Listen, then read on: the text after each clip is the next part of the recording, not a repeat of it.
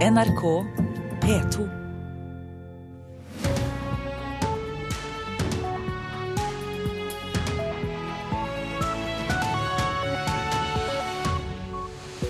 En av tre funksjonshemma får stygge kommentarer og trusler. Det får mange til å holde seg hjemme. Solveig Horne er på plass i studio for å snakke om hva som kan gjøres med det. Ikke glem pipa når du pusser opp resten av huset, er rådet fra brannvesenet, som ser mye rart når de er ute og sjekker. Kallenavnet til den nye forsvarsministeren i USA er Mad Dog. Om litt skal du få høre hvorfor. Og i kveld blir det siste Nytt på nytt med Jon Almås. I det siste programmet får han med seg flere gamle kjente. Koselig å se deg igjen. Jo, det. Du er ikke blitt så tjukk som jeg trodde.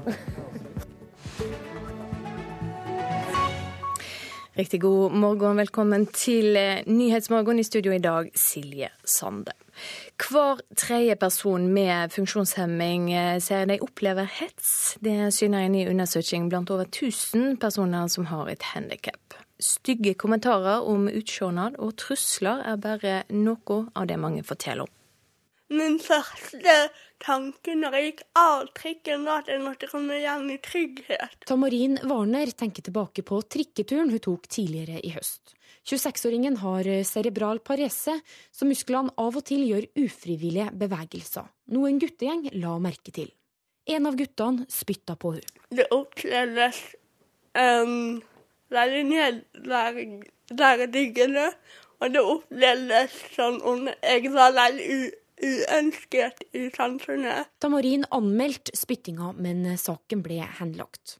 Hver tredje person med en funksjonshemming har blitt fortalt at de aldri burde ha vært født, at de er ubehagelige å se på, eller andre hatytringer. Det viser en undersøkelse Nordlandsforskning har gjort blant over 1000 personer med ulike handikap. Det er personer som til dels kan oppleve at de er i en sårbar situasjon i utgangspunktet, så det kan ramme hardt. Sier prosjektleder Terje Olsen. Ifølge undersøkelsen sier 40% av de som har opplevd krenkelser, at de holder seg mer hjem. Mange lar også være å delta i den offentlige debatten. De opplever at de får, får dårligere selvtillit, dårligere selvbilde. Ofte er lei seg og triste pga. det her. Det skremmer hele gruppen av funksjonshemmede, også de som ikke er ramma direkte selv.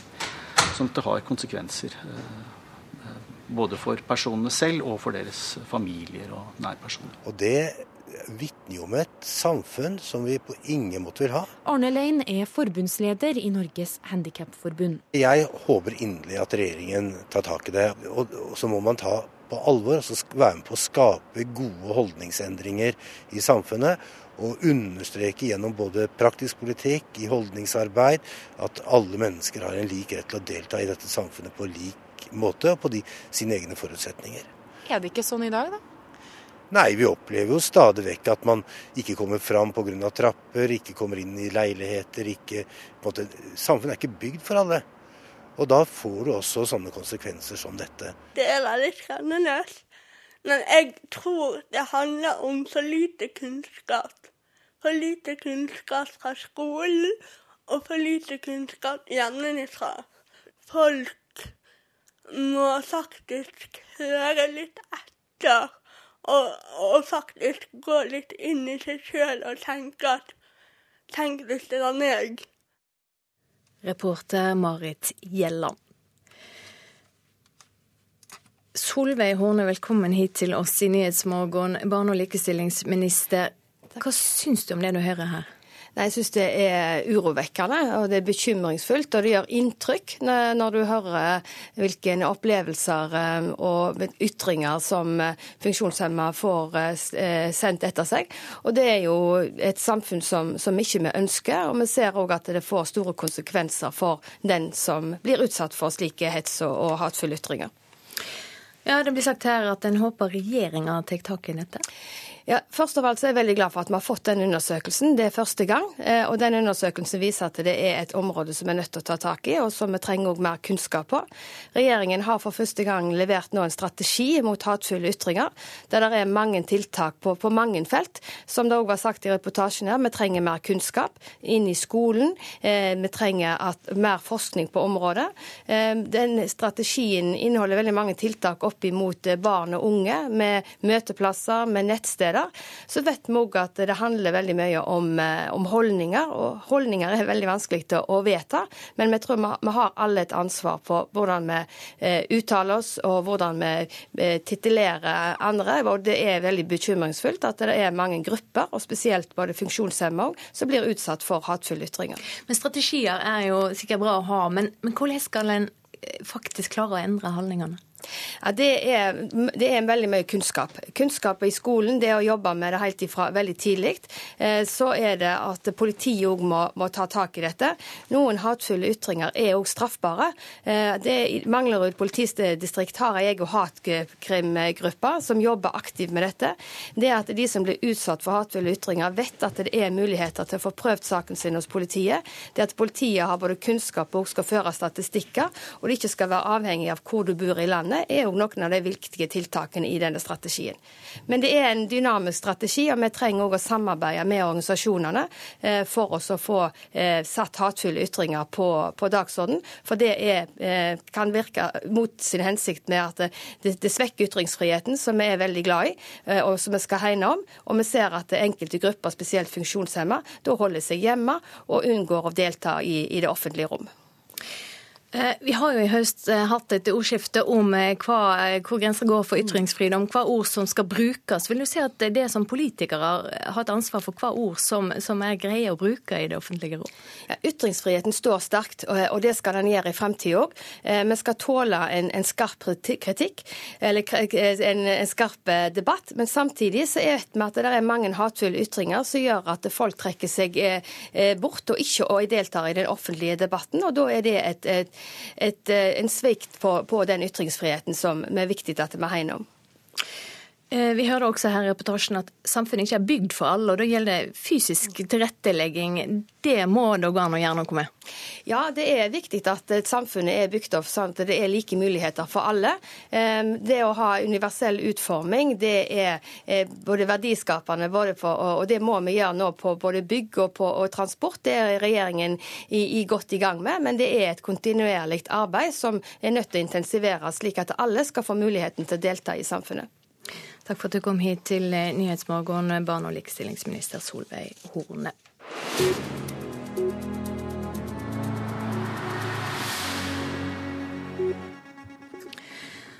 Så er det klart at den pensjonerte general James Mattis blir forsvarsminister i USA. Det har påtroppende president Donald Trump stadfesta. 66 år gamle Mattis har kallenavnet Mad Dog, og det tyder på at han er kanskje en person utenom det vanlige utenriksmedarbeider Roger Severin Bruland. Vær høflig og profesjonell, men ha alltid en plan for å drepe alle du møter på din vei.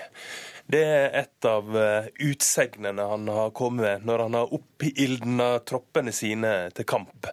Han har jo flere sånne berømte sitater som han har kommet med før han har leia folk inn i Gulfkrigen eller invasjonen av Afghanistan. Han har jo vært en militærkommandant for eh, US Marines i ei årerekke helt til han ble eh, utnevnt av eh, president Obama som leder for Central Command, som har ansvaret for eh, Midtøsten-operasjonene til amerikanerne. Men han havna fort på kant med Obama, for medan Mattis gjerne ville konfrontere Iran i borgerkrigen i Syria, så har jo Obama prøvd å finne en dialog og, og lage en avtale med Iran. Så han fikk vel i praksis eh, sparken av eh, Obama. Men nå er jo han på vei da tilbake i rampelyset igjen. Kan det få følger for avtalen med Iran? Eh, han, eh, vel, det, det, som blir sagt, er jo at han, eh, no, han er jo veldig enig med Trump om hva han skal gjøre med Iran, så han passer godt inn der. Samtidig så er det jo litt uvisst hva han vil få til. Det er jo litt tidlig å si. Hva reaksjoner kommer på denne utnevninga? Ja, Det er jo karantenetid eh, på seks år eh, for pensjonerte generaler å bli eh, forsvarsminister i USA. Men det er vel en ren formalitet. Slik at nå når de har flertall, republikanerne har jo flertall i Kongressen, så det vil jo en kunne gjøre unntak for. Den siste som fikk unntak for det, var jo George Marshall etter andre verdenskrig. Så det har jo skjedd før. Men det en spør seg jo, er jo hva han kan bringe til til eh, torgs. Eh, han sitter jo i styret for General Dynamics, som er verdens femte største våpenfabrikk. Og det blir jo stilt spørsmål om at han også vil være en mann som vil fremje da eh, business kanskje mer enn strategisk interesse. Takk skal du ha, Roger Serbin Bruland. Vi skal ta en kikk på dagens avisframsider. Fylkestoppene i Venstre vil ikke skifte politisk side etter brudd i budsjettforhandlingene. Det skriver Klassekampen. Flertallet av dem peker fremdeles på Høyres Erna Solberg som statsminister. Også Nasjonen har ringt rundt til lokale politikere. Tre av fire Arbeiderpartiordførere sier at Jonas Gahr Støre ikke bør ta over dersom det blir regjeringskrise. De borgerlige må rydde opp i egen rot, mener ordførerne. Hallo Europa, jeg er tilbake. Overskriften i Dagsavisen det handler om den ytterliggående politikeren Norbert Hoffe, som kan bli ny president i Østerrike på søndag etter at valget i vår ble underkjent. Donald Trump drev valgkamp mot pengemakta. Nå fyller han opp regjeringa si med styrtrike, skriver Aftenposten. Fire av statsrådene til den kommende presidenten i USA har formuer som er større enn verdiskapinga i 30 land. Annenhver nye bostad må bygges nær Bergen sentrum. Planleggerne i kommunen vil stramme inn virkemidler for å få til mer fortetting i sentrale strøk, skriver Bergens Tidende. Nesten umulig å få til, er svaret fra utbyggerne. Ideologi er viktigere enn klasse, er overskrifta i Vårt Land. Enkeltsaker som klima og innvandring er blitt eh, minst like viktige som sosial bakgrunn når nordmenn skal stemme. Det er ikke tilfeldig at miljø har skapt så stor usemje, eh, sier Venstres Guri Melby.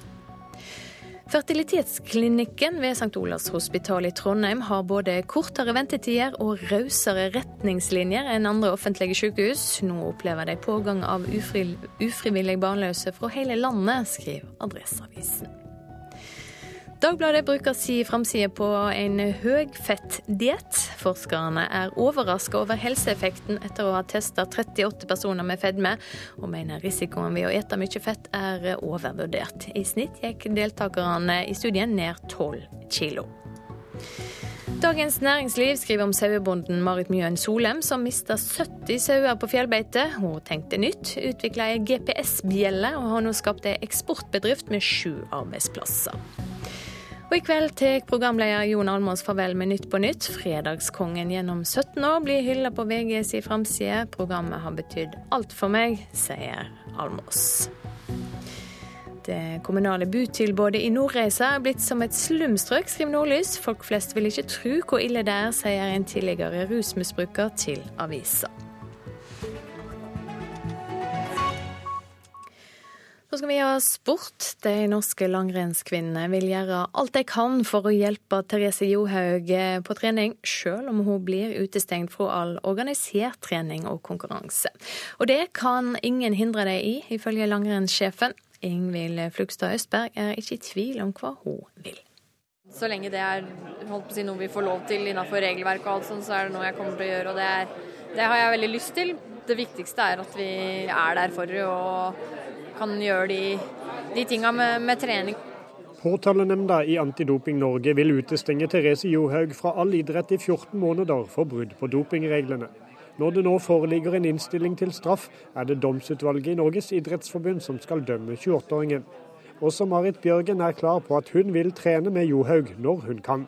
Det viktigste er jo å være der for henne, og være god venninne. Ehm, og være med å trene i lag med henne. Ehm, så er jo det at vi er jo inne i en hektisk konkurranseperiode òg, så Det er jo det å få tid å treffe henne. Reglene er klare. Så lenge Johaug venter på en dom, eller om hun blir utestengt, får hun ikke være en del av organisert konkurranse, og heller ikke trening i regi av langrennslandslaget.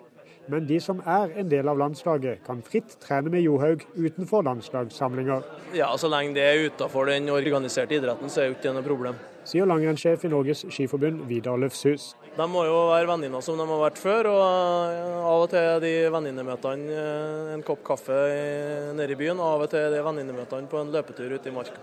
Eh, vi har gått ganske mange runder med NIF, og de reglene er ganske klare. Hun skal ikke være med på noe som ligger innenfor den den organiserte idretten. Og så eh, går det an å ha en dialog med Therese på utenomsportslige ting som akkurat som før. Men er det vanskelig person? Så du har jobba sammen med Therese i flere år? Ja, jo personlig så syns jeg det er vanskelig. Det er jo, eh, hun er jo et stort savn på landslaget. og Først og fremst syns jeg jo at saken er både trist og lei og alt det der, og veldig synd på Therese. Så det, sånn personlig så opplever jeg det selvsagt som vondt. men... Uh, profesjonelt så må jeg jo forholde meg til sånn som det, det har blitt med en suspensjon og i, i påvente av en dom. Ingvild Flugstad Østberg er klar for verdenscup på Lillehammer som starter i dag. Hun har jevnlig kontakt med Johaug og får innspill fra henne. Hun er veldig flink til å støtte og backe og komme med gode råd i forhold til skirennet vi skal gå, da, så det setter veldig pris på det. Reporter Geir Elle. Du hører på Nyhetsmorgen. Klokka er 6.48. Folk velger bort fastleger med få pasienter, og setter seg heller på venteliste hos de populære legene. En av tre funksjonshemma får stygge kommentarer og trusler. Det får mange av dem til å holde seg hjemme. Og den pensjonerte generalen James Mattis blir ny forsvarsminister i USA. Det er eh, høgsesong for pipebranner, men eh, mange er ikke klar over at det kan være noe gale med pipa. Murere eh, har full jobb med å rehabilitere piper fra 1960- og 70-tallet. Folk bruker gjerne flere hundre tusen kroner på oppussing, men glemmer pipa. Her er det et sted de har tetta igjen med litt stein.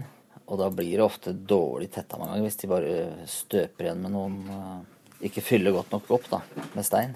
Her ser du også det er et høl i pipa som de bare har tetta igjen med isolasjon. Vi ser på video brannvesenets egne bilder filma på innsida av piper. Feierformann Trond Vaskås hos brannvesenet i Skien har sett mange brannfeller. I én pipe dukka det plutselig opp en list i et hull. Her ser vi jo rett inn på kjøkkenet hans, egentlig. Det er bare listverket som dekker for. Så her er det jo, hadde han fått en pipebrann, så ville det jo tatt fyr rett inn på kjøkkentaket hans med en gang. Denne boligeieren ante ikke at pipa var i så dårlig stand, og spesielt de som har piper fra før 1987 bør være obs. Og de som fyrte med 70-tallets store varmekilde. Hvis de er blitt brukt da mye til parafinbrenning og, og sånn forskjellig, så kan det fort bli at pipene blir spist opp innvendig. Feiermester Odd Jensen er heller ikke imponert over de som pusser opp fra kjeller til loft og ikke tenker på pipa. Mange gjør ikke det. De tenker ikke pipa i hele tatt. For det er liksom en ting som er av mur, og en mur den tror de er evigårende. Nå for tida har murere mye å gjøre med å rehabilitere piper fra 60- og 70-tallet. Mange av de pipene blei ofte kledd inn, selv om det ikke var lov da heller. Det var avstand til brennbart materiale som var årsaken her på den pipa her. Derfor så måtte du sette den i rør, eller, eller du måtte skjære rundt pipa for å få tilfredsstillende krav. Murer Øystein Rund sier pipereglene er strenge. Da kommer jo Vegvesenet, og de går jo og kikker på de, særlig på de tinga med brennbart. For det er jo liksom, Oppstår det noe der, så kommer forsikringsting inn i bildet og hele pakka. Da får du avkorting og masse greier. Den pipa her den er i et hus som er bygd i 1972. 72, ja. Uh, er, det, er, det, mange som må bytte og, og fikse på pipa si, som, som hadde hus, eller har hus fra den gangen? Veldig mange. Veldig mange. Reporter Gry Eirin Skjelbred. Arbeiderpartiet kan komme til å røyste for at F radioens FM-band ikke blir stengt likevel, slik planen er. Mediepolitisk talsperson i Arbeiderpartiet, Arild Grande, sier til Klassekampen at partiet vurderer å røyste for Frp sitt forslag om å stanse sløkkinga når dette skal handsames i Stortinget på tirsdag. Arbeiderpartiet er usikre på om beredskapen blir god nok med DAB alene. Etter planen skal de første FM-senderne slukkes den 11. januar. Det er eh, influensatid også. Influensaen er i ferd med å spre seg, spre seg her i landet. Det syner nasjonale tall, og dette er tidligere enn eh, vanlig. En av de som eh, har blitt syk, er Sølvi Bestvold fra Drammen. Rett og slett veldig dårlig form. Jeg var, hadde vel oppimot nesten oppi 40 feber. Og det er lenge siden jeg har vært så dårlig. altså. Det var skikkelig skralt, så allmenntilstand var veldig dårlig. Ja, vi har sett nå at influensaen er i utvikling i Norge. Det sier Olav Hungnes, som forsker på influensa ved Folkehelseinstituttet. Kanskje litt uh, tidligere enn vanlig. Så det betyr at influensaen har kommet? Ja, det kan virke sånn. Når vi sammenligner med data fra tidligere år, så peker pilene oppover nå. Det er tidlig, og vi kan ikke se bort ifra at det snur. Men for hver uke som går, så er det mindre sannsynlig. Og at det, det, det ligger an til at vi ser en god del av influensaen eh, i den nærmeste måneden. Antallet personer som er innlagt på sykehus med bekreftet influensa øker også, og det er registrert flere tilfeller enn det som er vanlig for årstiden. Vanligvis kommer influensaen etter jul, men i år kan det se ut som om vi får influensa til jul. Kanskje mer i desember, mens det, tidligere året har vært mest fra januar og utover. Så vi skal bli syke til jul? Det er vel større risiko enn vanlig for at det er mange som får influensaen før jul, ja. Jeg har vel aldri hatt det sånn som det her. Det kan jeg ikke huske, siden jeg var liten. Jeg orka nesten ikke verken vått eller tørt, så jeg måtte prøve å få i meg Det blei som gikk over til litt cola og litt eh, salte kjeks. Det var det eneste jeg fikk i meg. Ellers har jeg nesten ikke fått i meg mat på ei uke. Men fordelen er at det kanskje kan ha gått til en kilo eller to, da. For På legevakta i Drammen har de foreløpig kun registrert noen personer med influensalignende symptomer. Daglig leder Torunn Lauritzen sier de er forberedt, og forteller hva pasientene skal gjøre. Ja, det viktige er å ta det med ro. Legge seg under dyna. Eh, ofte er det jo muskelsmerter, hodepine som følger influensa, og da kan man ta litt eh, Paracet eller Ibux lette smertestillende. Viktig å få i seg nok drikke. Ja. Eh, man trenger ikke gå til lege for influensasymptomer. Nei. Men man føler seg jo veldig dårlig med influensa, ja. så det er ikke så rart at man kanskje oppsøker lege, eller? Det er ikke så rart, nei. Er, eh, hvis man er lenge siden man har hatt influensa, så har man nesten glemt hvor dårlig man føler seg. Man føler seg elendig når man får influensa. Reporter Karoline Bekkelund Hauge. Etter hele 484 sendinger takker Jon Almås i dag av som programleder i Nytt på nytt. Bård Tufte Johansen tar nå over rolla som programleder i det som har vært det mest populære TV-showet her i landet i ei årrekke. Og eh, Johansen antyder at han vil eh, ta i bruk skarpere satire når han tar over. OK, vi er i gang. Da kjører vi. Følg meg.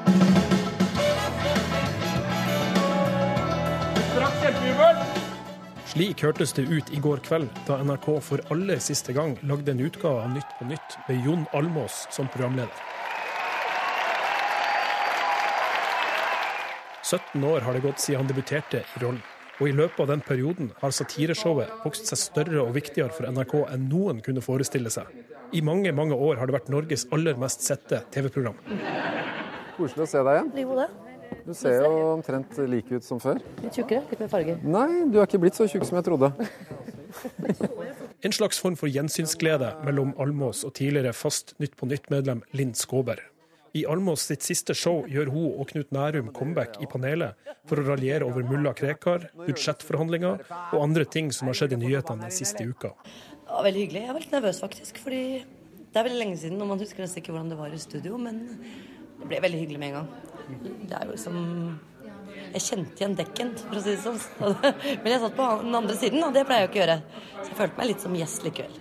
Nei, det har ennå ikke seget inn at dette er At liksom nå er boka lukket. Det, den følelsen har ikke kommet ennå. Men jeg er, liksom, jeg er på siste kapittel, og så jeg tenker at i januar når jeg for første gang liksom i januar ikke skal tilbake hit og ikke gå i studio og ikke begynne å gå gjennom saker og ikke lage Nytt på nytt, da kommer jeg til å Jeg tror det er da det går opp for meg at eh, jeg faktisk har slutta. Ny mann til å overta programlederstolen er Bård Tufte Johansen. Han antyder at han har ambisjoner om å bringe skarpere satire til Nytt på nytt. Ja, det, jeg syns jo det, det, er litt rart med Nytt på nytt. For ofte så er det jo ting som sies der som i andre program ville det blitt litt oppstuss. Men det har blitt en sånn, uh, et veldig sånn koselig program hvor det meste kan sies. Uh, uh, det føles som man kan si ja, vel, alt var ikke dårlig med Hitler. Og så sitter folk og sier ja, det er sant, det. ta på spissen, da. Så målet er jo kanskje å prøve å røske litt opp i det, da. ja, ting skal alltid være en utvikling, vet du. Så det er veldig viktig. Jeg tror det er veldig viktig det som skjer. Jeg tror Jon har godt av det. Uh, nytt på nytt vet jeg ikke om han har gått for det, men jeg har i hvert fall gått av Bård. Så om han drar det til litt, så blir det i forhold til hans personlighet, og det tror jeg kan bli, jeg kan bli veldig fint. Nei, det, Han er jo en helt annen type enn meg. Han er jo mer en eh, komiker. Så eh, om noe så vil han jo klare å gjøre det enda morsommere. Men det at Jon Almås har hatt jobben i 17 år, betyr slett ikke at Bård Tufte Johansen har tenkt å gjøre det samme? Jeg garanterer at uh, ikke jeg er der i 17 år. Jeg blir nok spurt lenge for det om jeg kan ta frokost-TV. Og Jon Almås i siste Nytt på nytt-sending går på NRK1 i kveld til vanlig tid 2055. Reporter Oddvin Aune. Vi skal ha et eh, værvarsel. Spitsbergen spredde snøbyger og vind fra vest, som øker til liten kuling i de nordlige områdene. Finnmark får snøbyger og vind fra nordøst, opp i liten kuling.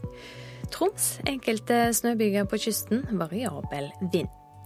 Nordland får sludd- og snøbyger, perioder med liten kuling, vind fra nord og nordvest. Trøndelag, Møre og Romsdal og fjellområder i Sør-Norge nord for Filefjell. Sludd- eller regnbyger på kysten, snø i indre og høyere strøk. Vestlandet sør for Stad mye fint vær. Nord for Sogn kan det bli spredde sludd- og snøbyger. På kysten nordlig liten kuling. Austafjells og Langfjella mye fint vær. Spredde snøbyger nord for Hamar først på dagen. Her i Nyhetsmorgen skal vi høre at mange har sett seg opp på de nye digitale ventelistene hos fastlegene, men det er stor forskjell på populære og upopulære leger. Politikerne er fremdeles ikke samlet om neste års budsjett. På mandag kan Erna Solberg bli tvinga til å stille kabinettspørsmål. Og seinere servering av middagen på sykehjemmer kan hindre underernæring hos eldre. Mer om det om litt. Tusenvis av nordmenn har sett seg opp på venteliste hos eh, populære fastleger etter at det ble mulig på nettsida Helse-Norge denne veka. Medan mange fastleger har fulle pasientlister, er det mye ledig hos eh, andre. Og ledige plasser får enkelte til å bli mistenksomme. Nei, jeg tenker at Når jeg ser at de aller fleste ikke har ledige plasser, så de kan ikke ta imot nye pasienter, og så er det noen som har masse plasser, tenker jeg hva er galt med de da, ikke sant? Hvert år bytter 300 000 nordmenn fastlege, og mange ønsker de legene som allerede har fulle lister. Den nye ventelista på nett er derfor populær, sier avdelingsdirektør Steinar Mathisen i Helsedirektoratet. Og allerede første dagen så var det 4000 som eh, hadde satt seg på en venteliste. og Dette viser seg å være en funksjonalitet som har vært veldig etterspurt blant eh, fastlegenes pasienter. Det er bra med venteliste hos populære leger, men Helsedirektoratet burde lagt inn mer informasjon om fastlegene enn navn, alder og kjønn, mener fagdirektør Anne Kristin Wie i Forbrukerrådet.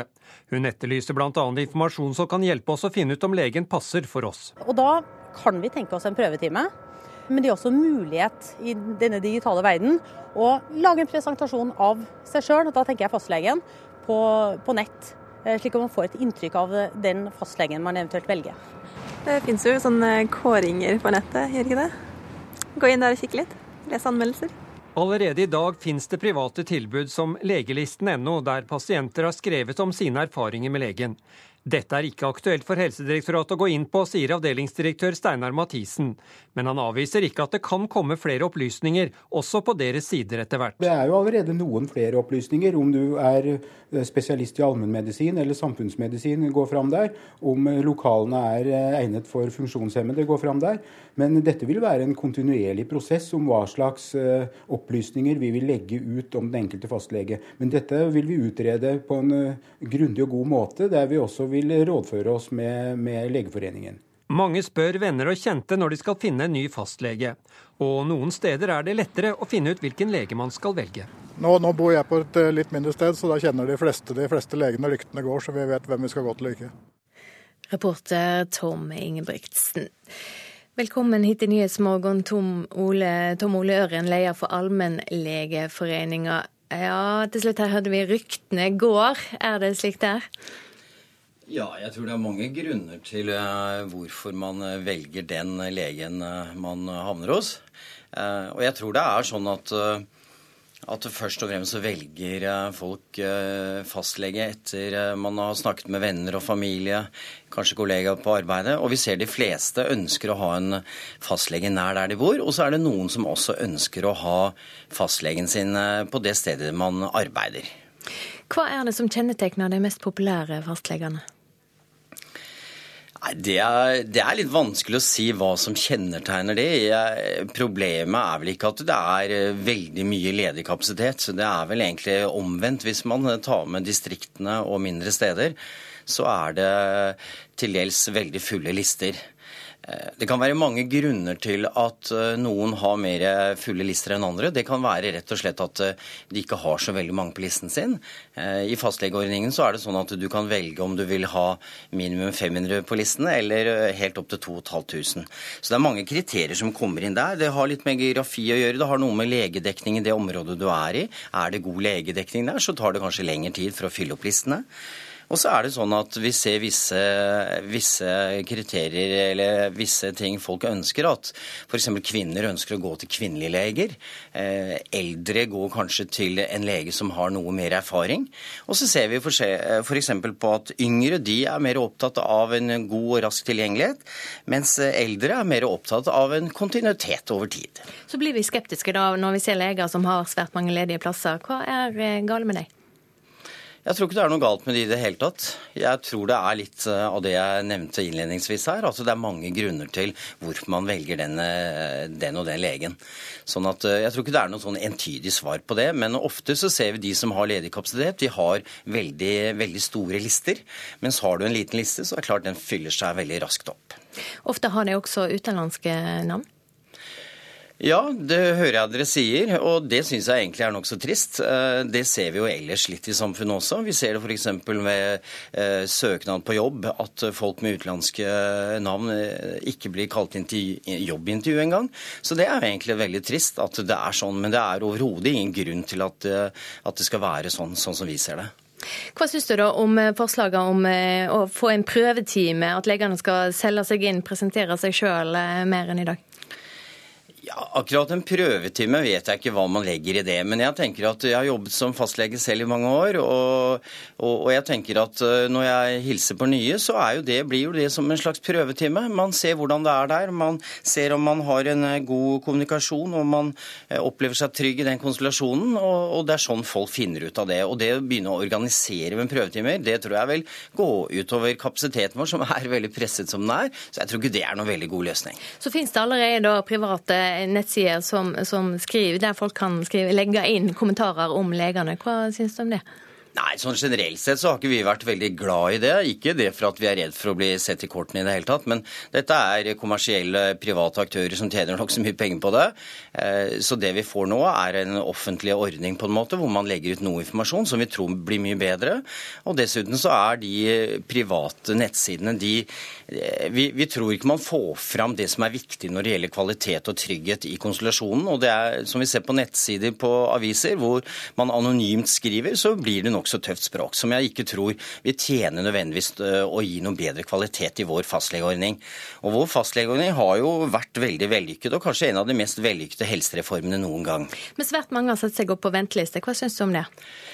Ja, men Det syns jeg er helt greit. Jeg syns det er positivt. Og, og vi har jo i og for seg hatt den ordningen til nå, eh, det private, eller at folk har fulgt med på listene selv. Og når det blir ledig, så ønsker man å, å prøve en ny lege. Og det er frivillig. Hele fastlegeordningen er frivillig, og folk kan velge selv.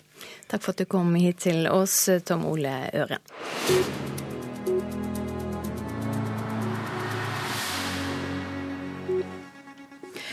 Vi skal høre at eh, fraværet i de videregående skolene i Nordland har stupt de første månedene av eh, skoleåret. Totalt er det blitt 104 000 flere undervisningstimer. De nye og omstridte fraværsreglene får mye av æra for det. På Øst-Lofoten videregående skole har de nesten halvert fraværet sammenlignet med i fjor. Det er full aktivitet på verksted ved linja for teknisk industriproduksjon i Øst-Lofoten.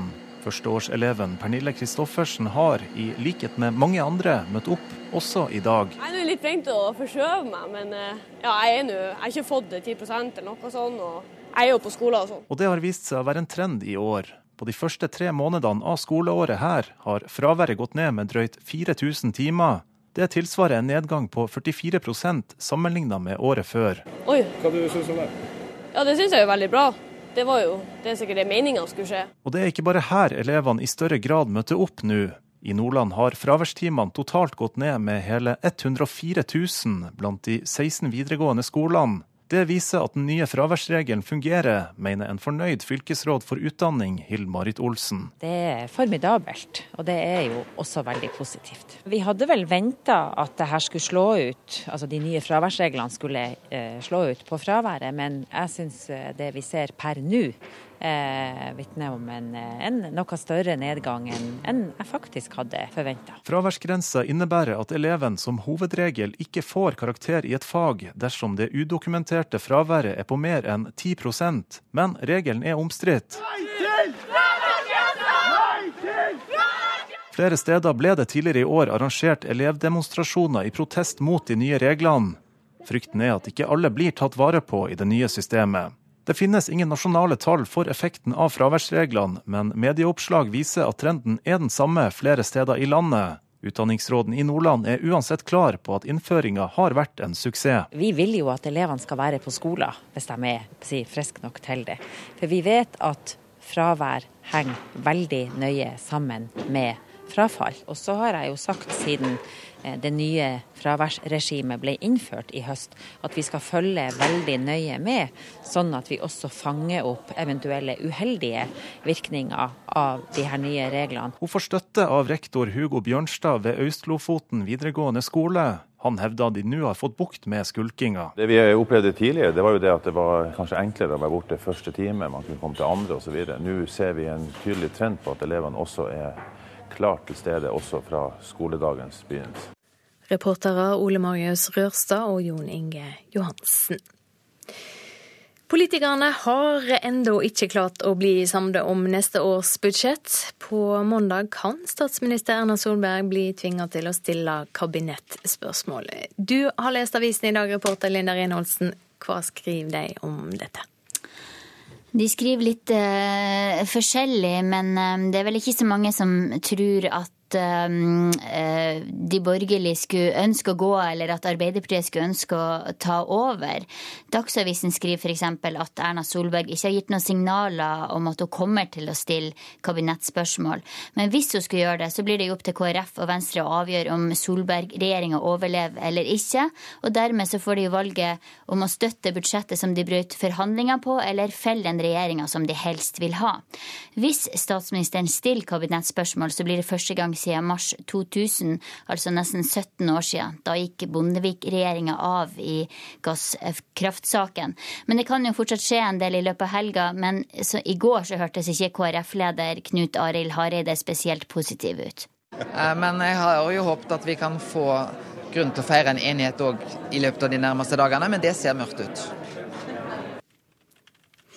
Ja, Ultimatumet om bilpakker, som altså i sum gjør det billigere å være bilist, har gjort det hele svært vanskelig. Kunne regjeringa ha gitt støttepartiet andre miljøløft? Ja, den, eh, Dette ultimatumet om den bilpakken irriterte jo Venstre og KrF veldig at ikke det skulle kunne forhandles om i det hele tatt. Eh, men problemet er at um, i tillegg til det, det er at KrF og Venstre de er ikke enige seg imellom hva konkret som skal til for å gi et såkalt grønt skifte. Men VG skriver i dag at eh, regjeringa i sluttspurten av forhandlingene skal foreslått å gjøre foreldrebetalinga i barnehagen dyrere for å finansiere miljøønskene til KrF og Venstre. Dette skal ifølge VG sine kilder ha vært noe av det siste som kom på bordet i, eh, i slutten av forhandlingene. Eh, det skulle komme en pakke fra regjeringa på rundt 600 millioner kroner som Venstre og KrF skulle kunne bruke på hva de ville, men det falt ikke i god jord hvor disse pengene skulle ta, tas ifra, bl.a. fra barnehagesubsidier. Så er det kommet en del meningsmålinger. Hva synes de? Uh, ja, uh, vi i NRK gjorde en meningsmåling uh, hvor eh, folk ble spurt før det verste kaoset, og da gikk Fremskrittspartiet veldig fram og Arbeiderpartiet veldig tilbake. Mens VG nettopp kom med en måling som ble gjort, tatt opp litt senere, som viser at regjeringa ikke er blitt straffa pga. budsjettkaoset. Takk skal du ha, reporter Linda Greinholsen. Du hører på Nyhetsmorgen. Klokka er 7.16 nå. Tusenvis av nordmenn har sett seg på venteliste hos populære fastleger etter at det ble mulig denne veka. En av tre funksjonshemma får stygge kommentarer og trusler. Det får mange av dem til å holde seg hjemme. Og straks skal vi høre at kronprinsen i Thailand i går kveld aksepterte å ta over trona i landet. I USA stadfester Donald Trump at han vil ha Jim Mattis som forsvarsminister. Den tidligere generalen trenger dispensasjon fra Kongressen for å bli godkjent. We are going to appoint Mad Dog Mattis as our Secretary of Defense. Det var på sitt første folkemøte etter valget Donald Trump kom med kunngjøringen. Mad Dog. 66-årige Jim Mattis, også kalt Mad Dog, er en høyt dekorert offiser i marineinfanteriet med erfaring fra Irak og Afghanistan. For at den firestjerners generalen Mattis skal kunne få jobben som forsvarsminister, må Kongressen gi ham et unntak fra gjeldende lover. I dag kan nemlig ikke en forsvarsminister ha vært i aktiv tjeneste på sju år. Mattis pensjonerte seg fra Pentagon først for tre år siden. Senator, how are you? How are you? Good to see you. NRK møtte den republikanske senatoren John McCain her i Washington noen timer før kunngjøringen. McCain leder forsvarskomiteen i Senatet, som skal godkjenne nominasjonen. Han sier til NRK at Mattis er en av de mest ansette militære lederne gjennom tidene. Uh, General Mattis is being seriously considered for our Secretary of Defense. He's one of the most highly regarded uh, military leaders that we've ever had. Mens han varsler grønt lys for Maddis, var McCain med på å blokkere utnevnelsen av en ambassadør til Norge. Han tror ikke han trenger å gjøre det på nytt, med Trump ved roret. I'm confident that this administration will have a diplomat of the experience and background that is worthy of the relationship and the importance of the relationship between the United States and Norway. Nominasjonen av Jim Mattis blir kunngjort formelt mandag.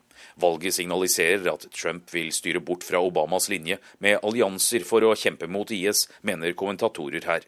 Også brede allianser når det gjelder å hindre russisk og kinesisk aggresjon i Europa og Asia. Neste uke er det ventet at det også blir kjent hvem Trump vil ha som utenriksminister. Anders Tvegård, Washington til eh, Thailand nå. Der aksepterte i går kveld kronprinsen trona i en direktesendt seremoni. Dermed blir han Chakri-dynastiet sin tiende konge, men han blir ikke krona før etter eh, farens gravferd neste år. Og Asia-korrespondent eh, Peter Svår, du er med oss fra Beijing. Det er over en måned siden Thailands konge døde. Hvorfor har ikke kronprinsen tatt over før nå? Det er jo på mange måter et regissert teaterstykke, det vi ser rundt kronprins Maha Vajiralongkorn i Bangkok nå. Ved tidligere tronskifter i Thailand har tronfølgeren blitt kunngjort umiddelbart. Men da kong Pumipon døde i midten av oktober, så var beskjeden fra den styrende militærjuntaen plutselig at kronprinsen selv ville vente, at han trengte tid til å sørge over sin far. Det har aldri tidligere skjedd, men det tolkes jo inn i den veldig sensitive tid Thailand nå er inne i. De er midt i en politisk krise med en militærjunta som i to og et halvt år nå har holdt på makten, og der kongen blir sett på som en viktig stabiliserende faktor, til, til en viss grad en overdommer mellom de militære og sivile elitene i Thailand. Ja, det er strenge lover mot å fornærme majesteten i Thailand. Er det noen diskusjon om kronprinsen er skikka til denne rolla? Ja, det er diskusjon om det, men forsiktig og hviskende. Man risikerer 15 års fengsel for majestetsfornærmelse dersom noen overhører slike diskusjoner i Bangkok nå.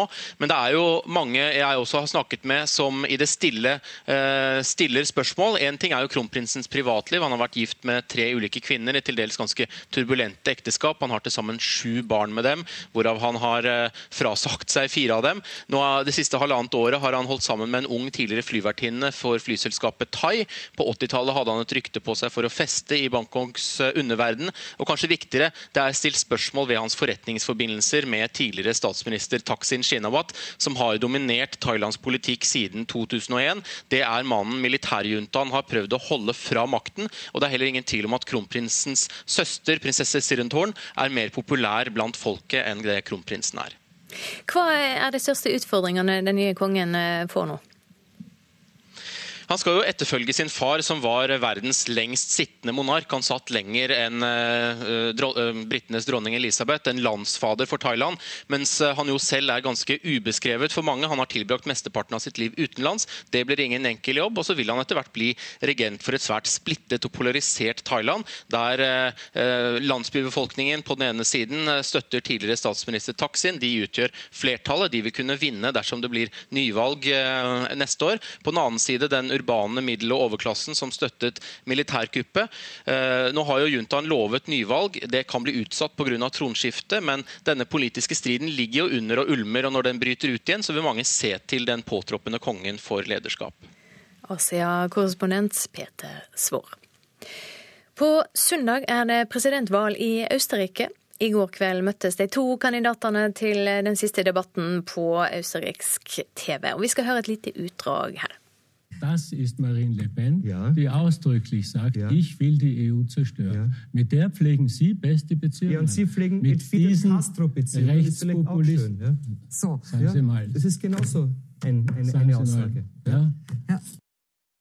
Ja, Den uavhengige kandidaten Alexander van der Bellen sier her at det ytre høyre-kandidaten Norbert Hofer har et tett eh, samband med Frankrikes Marine Le Pen og vil ut av EU. I retur får han skuldinger om at han har hatt tette bånd til eh, Castro på Cuba. Og korrespondent Guri Nordstrøm, du følger valgkampen i Østerrike. Det høres jo ut som to motpoler som stiller til valg. Hva kan du si om de to kandidatene? Han 45 år gamle flyteknikeren Norbert Hofer han er den ene kandidaten. Han leder Frihetspartiet, som er et ytterste høyre og et svært innvandringskritisk parti.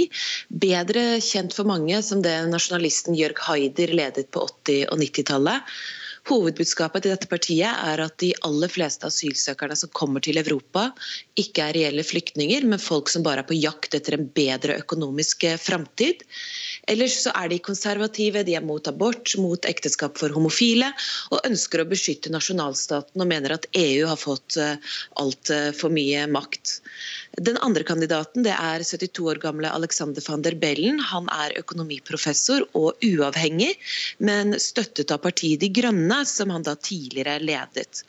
Han er faktisk selv flyktningebarn etter at foreldrene rømte fra Sovjetunionen, og er den politiske motpolen til eh, Hofer, som vi hørte her. Han er langt mer positiv til asylsøkerne og til EU, og mener også at Østerrike bør delta i et felles europeisk sikkerhetsarbeid og slutte å være nøytrale. Ja, hva saker er det grunn til å tro eh, kommer til å avgjøre valget på søndag? Innvandring det er en veldig stor sak etter at 90 000 mennesker søkte asyl i Østerrike under migrantkrisa i 2015. Arbeidsløshet er en annen. I den senere tid har den vært på hele rundt 10% Og så er det også et stort spørsmål hvor mye makt EU skal ha. Det er også et veldig viktig tema. Og Det som er eh, spesielt med dette valget, er at for første gang siden andre verdenskrig så tilhører ingen av kandidatene verken sosialdemokratene eller det konservative østerrikske folkepartiet. Hvor mye makt har presidenten i Østerrike? Tradisjonelt sett så har jo presidentene her i Østerrike kun hatt en seremoniell rolle, men på papiret så har de hatt mer makt. Og det spesielle nå er at begge presidentkandidatene sier at de vil bruke den makta som embetet gir. Takk, korrespondent Guri Nordstrøm. Så eh, dagens aviser. Fylkestoppene i Venstre vil ikke skifte politisk side etter brudd i budsjettforhandlingene, skriver Klassekampen. Flertallet av dem peker fremdeles på Erna Solberg som statsminister. Også Nasjonen har ringt rundt til lokale politikere. Tre av fire Arbeiderparti-ordførere sier Jonas Gahr Støre ikke bør ta over hvis det blir regjeringskrise. De borgerlige må rydde opp i egen rot, mener ordførerne. Donald Trump drev valgkamp mot pengemakta. Nå fyller han opp regjeringa si med styrtrike, skriver Aftenposten. Fire av statsrådene til den kommende presidenten i USA har formuer som er større enn verdiskapinga i 30 land. Ideologi er viktigere enn klasse, er overskrifta i Vårt Land. Enkeltsaker som klima og innvandring er blitt minst like viktige som sosial bakgrunn når nordmenn skal stemme. Fertilitetsklinikken ved St. Olavs hospital i Trondheim har både kortere ventetider og rausere retningslinjer enn andre offentlige sykehus. Nå opplever de pågang av ufrivillig barnløse fra hele landet, skriver Adresseavisen. Dagbladet bruker si framside på en høgfettdiett. Forskerne er overraska over helseeffekten etter å ha testa 38 personer med fedme. De mener risikoen ved å ete mye fett er overvurdert. Dagens Næringsliv skriver om sauebonden Marit Mjøen Solem, som mista 70 sauer på fjellbeite. Hun tenkte nytt, utvikla ei GPS-bjelle og har nå skapt ei eksportbedrift med sju arbeidsplasser. Og I kveld tar programleder Jon Almås farvel med Nytt på nytt. Fredagskongen gjennom 17 år blir hylla på VGs framside. Programmet har betydd alt for meg, sier Almås.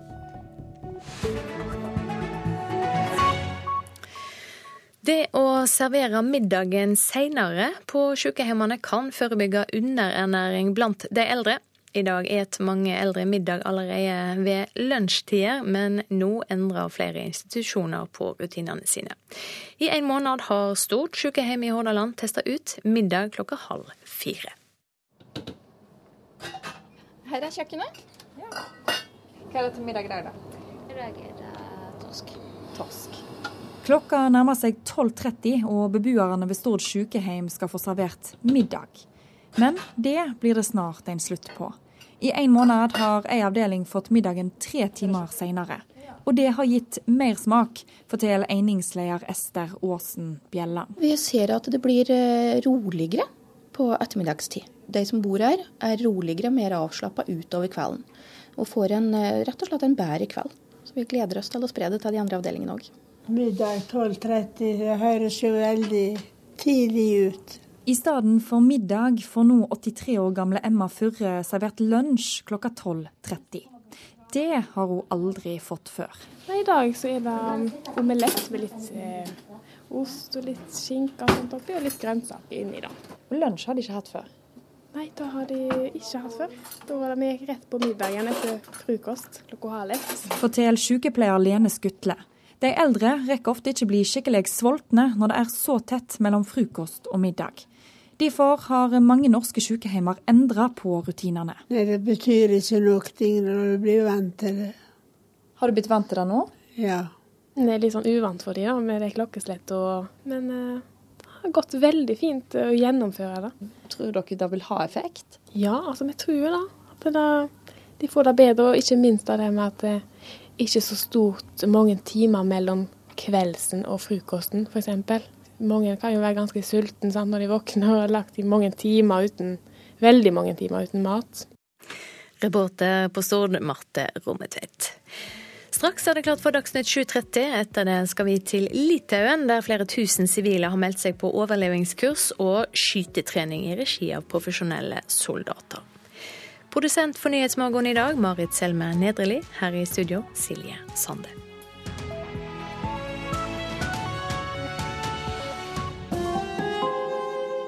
Hør ekko. Hvordan hadde livet vært uten værmeldinger? Om du ikke kunne sjekke på TV eller mobil om det blir kaldt eller varmt, vått eller tørt før du går ut døra? Vi slår et slag for værmeldingen. For husk, det var nordmenn som sto i bresjen for utviklingen av det moderne værvarsel. Om vær og klima i Ekko i dag. Ekko 9 til 11 i NRK P2. Folk velger bort leger med få pasienter, og setter seg heller på venteliste hos de populære fastlegene. Veteran fra Afghanistan og Irak-krigen med kallenavnet Mad Dog blir forsvarsminister i USA.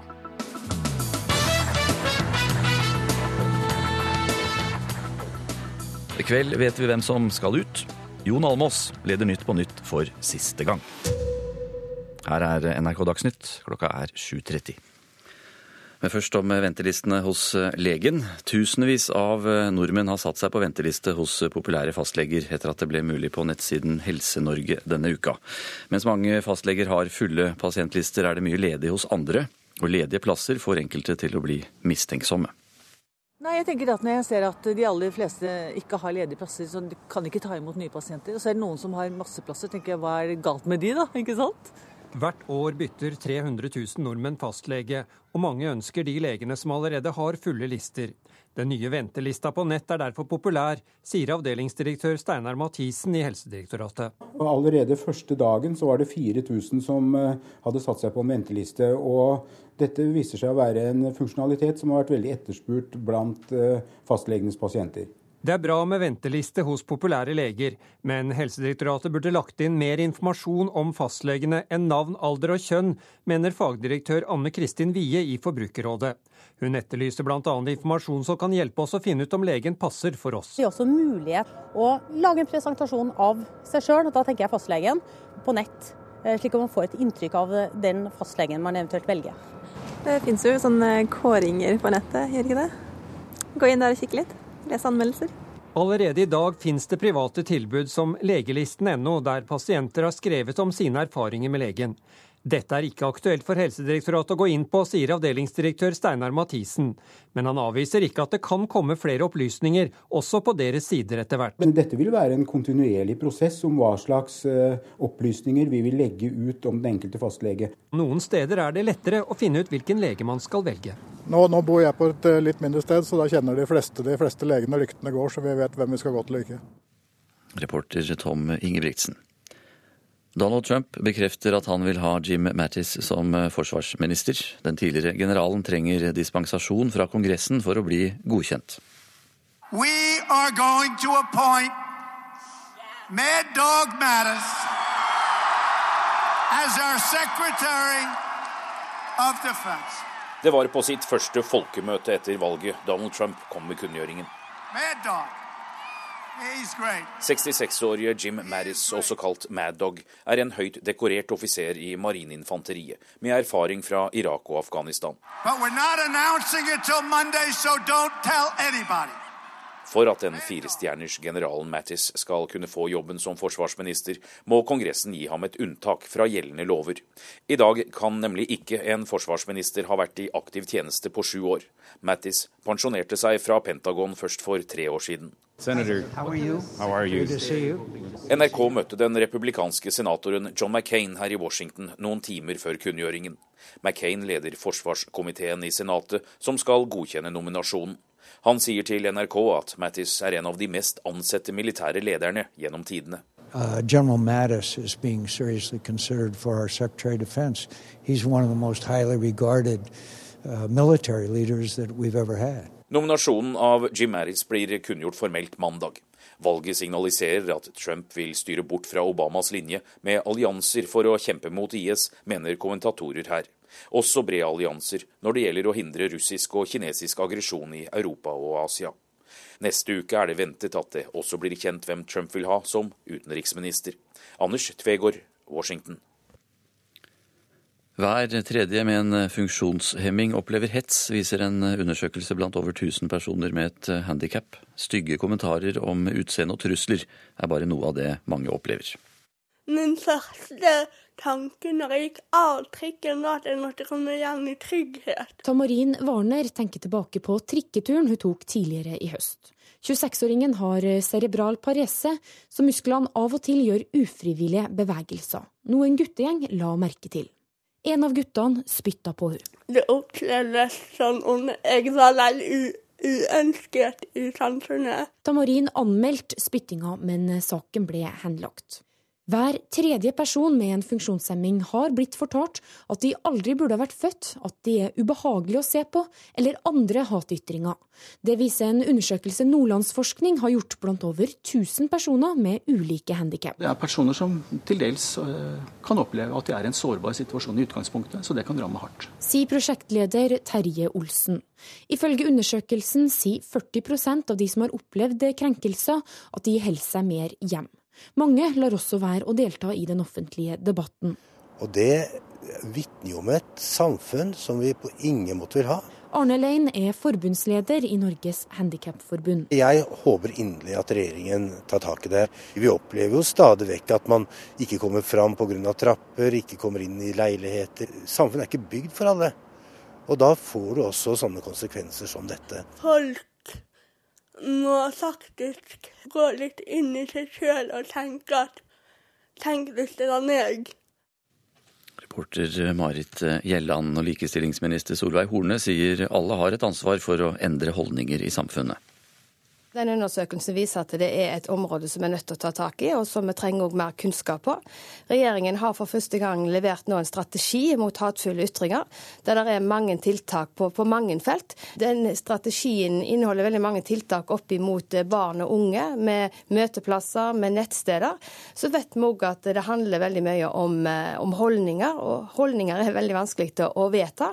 Men vi tror vi, har alle et ansvar på hvordan vi eh, uttaler oss, og hvordan vi Eh, titulere andre. Og det er veldig bekymringsfullt at det er mange grupper, og spesielt både funksjonshemmede, som blir utsatt for hatefulle ytringer. Tallet på sykehusinnlagte med influensa fortsetter å øke her i landet. Det er flere med influensa nå enn det som er normalt på denne årstiden, viser nasjonale tall. Og en av dem som er syk, er Sølvi Bestvold fra Drammen. Rett og slett veldig dårlig form. Jeg var, hadde vel eh, oppimot nesten oppi 40 feber. Og det er lenge siden jeg har vært så dårlig. altså. Det var skikkelig skral, så allmenntilstanden var veldig dårlig. Ja, vi har sett nå at influensaen er i utvikling i Norge. Det sier Olav Hungnes, som forsker på influensa ved Folkehelseinstituttet. Når vi sammenligner med data fra tidligere år, så peker pilene oppover nå. Det ligger an til at vi ser en god del av influensaen eh, i den nærmeste måneden. Reporter Karoline Bekkelund Hauge. Usikkerhet i Arbeiderpartiet kan føre til at FM-sendingene på radio ikke blir stengt likevel. Det skriver Klassekampen, som har intervjuet Arbeiderpartiets mediepolitiske talsperson Arild Grande. Han sier partiet er usikre på om beredskapen blir god nok med DAB alene, og at det er et problem at eh, regjeringspartiene er splittet i synet på saken. Dersom Arbeiderpartiet stemmer for FrPs forslag tirsdag, vil det ha flertall i Stortinget. Etter 484 sendinger takker Jon Almås i dag av som programleder i Nytt på Nytt. Bård Tufte Johansen overtar nå rollen som programleder i det som har vært Norges mest populære TV-show i en årrekke. OK, vi er i gang. Da kjører vi. Følg meg.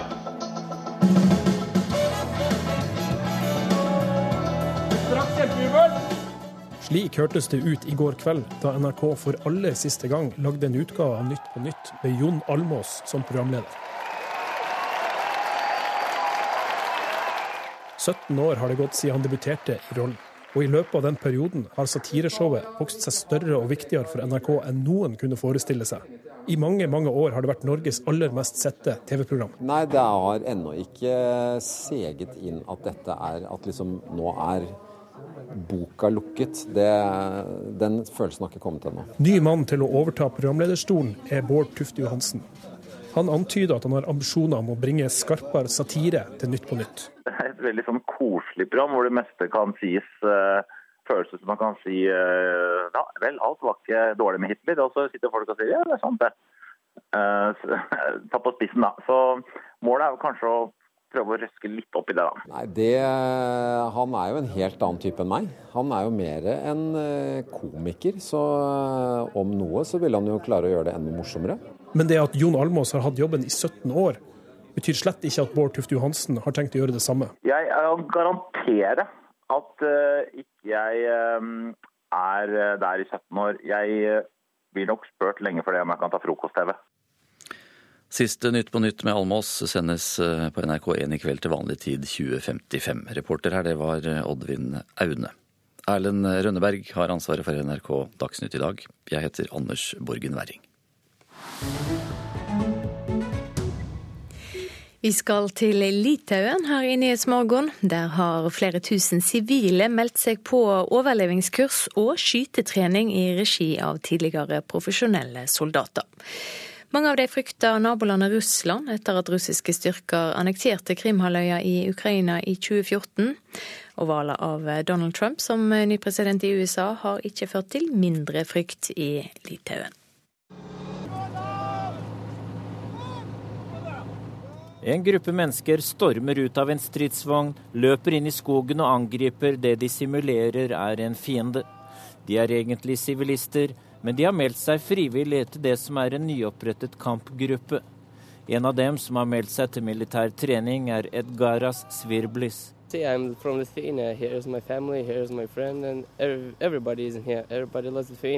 Alle i familien og alle venner har meldt seg til tjeneste fordi vi elsker Litauen. Den unge gutten har kamuflasjefarger i ansiktet, grønn hjelm og full feltuniform.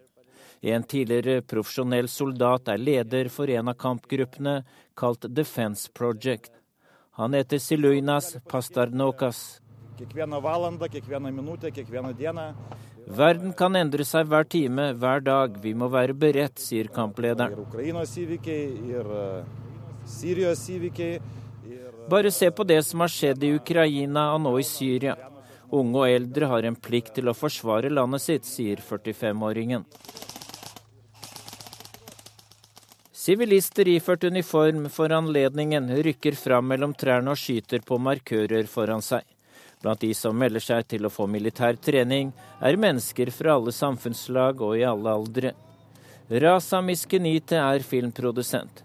Hun fikk panikk og pakket eiendeler i en bag i full fart og gjorde seg klar til å flykte. Det skjedde den dagen i 2014 da russiske styrker gikk inn og tok Krimhalvøya, som inntil da var en del av Ukraina. Rasa var redd og fryktet at det samme kunne skje i hjemlandet. Crimea, uh, the 2008 was uh, Georgia. Who will be the next? Will be Baltics probably or Moldova? Da Russland tok Krim, var det klart for meg at det ikke var første gang eller siste gang at Russland ville gjøre noe lignende. De tok en bit av Georgia i 2008. Hvem blir det neste? Vi baltiske land? Eller Moldova, spør filmskaperen. Vi sivile må lære hvordan vi skal overleve i en ekstrem situasjon, og vi må lære å forsvare oss, sier Raza. Uh, uh,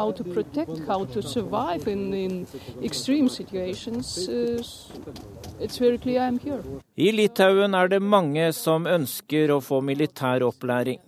Men mange melder seg også på kurs der de lærer å overleve under ekstreme forhold, f.eks. For under flukt.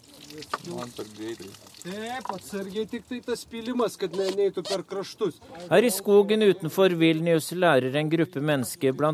hvordan de skal filtrere forurenset vann. Et fjernsynsteam fra nyhetsbyrået Associated Press filmer folk som har meldt seg på et overlevelseskurs. Mange er urolige for framtida og kjenner på den samme frykten som filmskaper Rasa. Frykten er forsterket etter at Donald Trump ble valgt til USAs neste president. Han har signalisert at det ikke er en selvfølge at Nato vil forsvare de baltiske landene hvis de blir angrepet av den store, mektige naboen i øst. Litauens utenriksminister nevner ikke Russland ved navn. Men det er ingen tvil om hvem han sikter til når han sier at i Europa så har vi et fast medlem i Sikkerhetsrådet som står bak aggresjon mot naboland, og som faktisk er årsak til at landegrenser er endret. Europe, Council, uh, uh, Utenriksminister Linas Linkevisius legger til dette er ikke abstrakt, dette er ikke science fiction. You know, talking, it's not abstract. It's, it's not, it's not, you know, Reporter Dag Bredvei. En av tre funksjonshemma har fått stygge kommentarer og trusler. Det får mange av dem til å holde seg hjemme. Alle har et ansvar for å endre holdninger, sier likestillingsminister Solveig Horne. Og tusenvis av nordmenn har satt seg på venteliste hos populære fastleger etter at det ble mulig denne veka. Straks er det klart for Politisk kvarter, programleder Lilla Sølhusvik.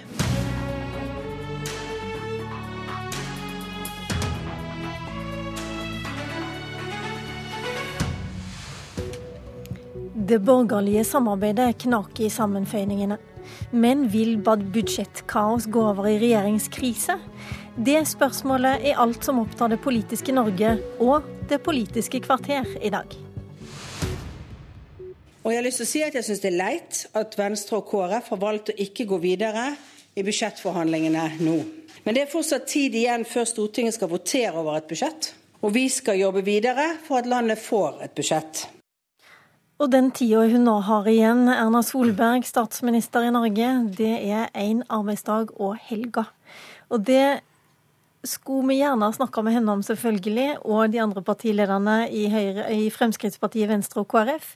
Men de ønsker ikke å stille opp i den betente situasjonen som er nå. Derfor snakker vi med de som vet nest mest om alt som skjer, nemlig de politiske kommentatorene. Og da begynner vi med deg, Kjetil Bragli Asdalheim, politisk redaktør i Dagens Næringsliv. Tror du de klarer å finne ut av det i løpet av helga? Altså, jeg tror at det er på en måte mest sannsynlig, fordi de har, eh, de har jo en interesse av å, å, få til en løsning. Eh, ingen av partiene ønsker regjeringskrise. Eh, og de, de, taper på at det fremstår som at det er kaos i det samarbeidet. Men samtidig så er det jo veldig vanskelig å se hvordan de skal skal komme ut av det, fordi de har plassert seg i en situasjon der, de, eh, der det vil ende med at de på en måte påfører hverandre nederlag. Men, men ikke, eh, jeg er litt usikker på om, det egentlig vil, eh, om vi egentlig vil få en avklaring på mandag. Det ligger jo en mulighet der også for at Erna Solberg ikke setter det på spissen, og at det blir en, et vedtak i Stortinget der regjeringen får en fullmakt til å drive videre, sånn at Eh, sånn at budsjettprosessen kan skyves ut i januar uten at man si, skrur av lyset på politi, eh, hos politiet og, og, og, i sykehus og sånt, men at man, man kan drive videre, men gir, seg, gir, eh, det hele noen uker til. Det betyr at vi skal snakke om dette i veldig mange uker til, Magnus Takvam. Tror du på det? Det er veldig mange eh, opsjoner her. Det som ble nevnt her, er jo opplagt en av dem. For min del vil jeg bli overrasket dersom man greier, de fire partiene, i løpet av de neste par dagene å forhandle fram en uh, budsjettavtale som alle uh, undertegner på, uh, etter med det forspillet vi har, vi har, hatt. Selvfølgelig kan man ikke utelukke det, og vi vet jo ikke ordentlig hva som skjer på innsiden. Men slik partilederne selv uttaler seg, så tyder det meste på at de ikke klarer det. Eh, og da eh, kan vi diskutere etterpå hva som da blir det videre løpet på, på mandag, selvfølgelig. Frøy Gudbrandsen, du er politisk redaktør i Bergens Tidende, og du kaller den øvelsen som er vitne til nå for en vanvittig blame game. Hva betyr det? Altså, eh, Partiene har ganske sånn ulik virkelighetsoppfatning. Og På den ene siden så hevder jo da mange at Venstre særlig da har fått tilbudt enormt masse, eh, og er da, eh, at det er helt urimelig at de på en måte bare krever mer og mer, og at de på en måte går så steilt ut som de gjør. Eh, mens Venstre på den andre siden da snakker om og dette åpenbare løftebruddet fra denne merknaden som kom i fjor, og at dette grønne skatteskiftet ikke er så grønt som, det, som de ble lovet. Da. Eh, og det er jo sånn Internt i partiene er det jo selvfølgelig en sånn vanvittig frustrasjon og til dels liksom sorg over den situasjonen de er i. Og de, det er også sant, antydning til at man klandrer sine egne ledere og de andre partienes partiledere. og liksom sånn går det fram og tilbake. da. Og Det er jo kanskje en naturlig greie i en sånn eh, ganske liksom vanskelig og uhåndterlig situasjon å være i. det. Men eh, du representerer en borgerlig avis som eh, anbefaler leserne deres å stemme borgerlig også. Hva tenker du om eh, det som skjer nå? Hvor store virkninger vil det få for når folk skal begynne å stemme? Det er veldig vanskelig å si, for det er, kjempelenge til stortingsvalget. Altså sånn at Dette kan gå fint gå over. og Det, det som fremstår som et sånn enormt kaos nå, som jo er et kaos, det kan fort faktisk være, være glemt. og måte, hva som, altså, eh, hva som får Fremskrittspartiets velgere til å være fornøyd med Fremskrittspartiets innsats, da, det avhenger ikke nødvendigvis av det spillet som pågår nå. Men det er klart, altså for de som ønsker en borgerlig politikk, og som ønsker at samfunnet skal dras i den retningen som de fire partiene på en eller annen slags måte representerer, Altså For dem er det jo selvfølgelig eh, uheldig og skuffende at de ikke evner eh, å samarbeide så godt at, at det blir mulig. Og De langsiktige konsekvensene av dette rotet her er det også mange som altså i partiene som bekymrer seg for. Og det er klart det burde jo også bekymre velgerne hvis ikke de finner en vei eh, framover. da. Kjetil Bragli Alstadheime, dere har skrevet om uro internt i Venstre eh, tidligere denne uka. Eh, det skal være noen i Venstre som mener at eh, Trine Skei Grande går for hardt ut. Og vi vet også fra i dag, en ringerunde som vel Klassekampen gjorde i dag, at eh, Venstres fylkesledere fortsatt vil ha borgerlig samarbeid. Er de da tjent med å operere sånn som de gjør nå? Det er det som er den vanskelige situasjonen som Venstre er i. De er jo et parti som har plassert seg veldig tydelig på, på den siden der de er. Eh, samtidig så har de jo et behov for å vise at de, at de faktisk får til noe. Og og, de, og, og, da er eh, klima blitt er, er en hovedsak for, det, for dem. Og når fikk, når budsjettkrisen i fjor, eh, altså for årets budsjett, ble løst med denne enigheten om eh, et grønt skatteskifte som skulle gi, skulle gi skatt, eh, utslippskutt, så, så er det jo Da skjøv man på en måte problemet litt foran seg. Nå er de jo nødt til å, å levere på det. og det, det er en, en vanskelig situasjon for dem. fordi hvis de på den ene siden må de levere på miljøpolitikken, på den andre siden så taper de på om de oppfattes som uklare i regjeringsspørsmålet foran valget neste år. Magnus Takvam her i NRK. Det har også vært snakka en del om, og Vegard skrev artikler om, at det er uenighet internt i Høyre om den strategien som nå legges. Var det så lurt av Erna Solberg å gå inn og godkjenne den, dette ultimatumet som Frp har egentlig satt på den bilpakken? Eh, det ser jo ikke sånn ut at det var så veldig lurt, når vi ser hva som har skjedd etterpå. Det, det er det jo mange som sier nå, men, men, eh, hva sier folk i Høyre? Blir det sånn at de strides internt? Jeg tror det som er frustrasjonen i Høyre, er først og fremst at de fleste i stortingsgruppa ikke vet ordentlig hva som foregår. Og som vi har vært inne på, altså de er ikke fullt ut orientert om hva tilbudene inneholder fra Høyre og Frp til de andre. og siden eh, offentligheten da ikke har dette innsynet, så, så blir det eh, vanskelig for også eh, folkene i Høyres stortingsgruppe å forholde seg til det. Hvem har egentlig rett? Er det bare småting de har fått tilbud om, eller er det et virkelig raust og, og, og, godt tilbud både når det gjelder klima og andre, andre ting? Men det eh, eh, det som har vært det, det, er helt opplagt, åpenbart, at alt som knytter seg til det vi kaller ultimatum og denne bilpakken, er kjernen i, i konflikten. Eh, og på to tidspunkter, som dere var inne på, så har de skjøvet problemene under teppet. Man man brukte, tror jeg, da denne eh, garantien fra Erna Solberg om et grønt skatteskifte som et fikenblad for ikke å utløse regjeringskrise sist, men gikk ikke inn i å tolke det helt ut hva det egentlig innebar. Og da har vi fått tolkningsproblemer etterpå, bl.a. om denne kompensasjonen. Frp sier at det var opplagt i, i, i det mandatet at det skulle skje. Det andre var tidspunktet i forkant av ultimatumet. Da tyder mye på at Erna Solberg og Siv Jensen feilvurderte de andres, altså eh, Venstre og KrFs, holdning til eh, det som lå i denne bilpakken, og regnet med at de ville akseptere det for å unngå en tofrontskrig i den kommende budsjettprosessen. Så på disse to vesentlige punktene har man skjøvet skal vi si, politiske uenigheter under teppet, og ikke klargjort ordentlig seg mellom hvor, hvor de ulike partiene har stått. Før alt dette bråket starta, så var jo regjeringspartiene på god vei oppover. Det viser NRKs meningsmåling for desember. Frp går jo mest fram der, og ender omtrent på samme valgresultat som, altså ender omtrent på valgresultatet, som var på over 16% Og dette var jo etter Sylvi Listhaugs stunt i sosiale medier. Ja, men For meg så handler det jo ikke om hvor du bor eller hva du tjener, men det handler om du er en del av den meningsbærende eliten. Ja, eliter og hylekor, eh, hva var den politiske debatten dreide seg om i forrige uke? Det virka litt lenge siden nå, eh, men NRKs måling ble tatt opp i etterkant av den. Og Frøy Gudbrandsen, du mener jo at støyen rundt Sylvi Listhaug er en av forklaringene på at Venstre og KrF nå er så steile i budsjettforhandlingene. Hvordan kan du si det? Altså, det, er av, det, er en del av, helheten. Altså, det griper jo ikke direkte inn i de forhandlingene, men de har gjort noe med stemningen og på forholdet mellom partiene. Og, til, og til sentrumspartiene så er det en enorm frustrasjon med måten eh, Sylvi Listhaug eh, snakker på, og, eh, som har gjort det mer problematisk å samarbeide for med Fremskrittspartiet for en del. Eh, men hvorvidt liksom, eh, Sylvi Listhaug er, og det sosiale medier-greiene som hun holder på med, er skyld i den, at det er forklaringen på at de gjør det godt på målingene.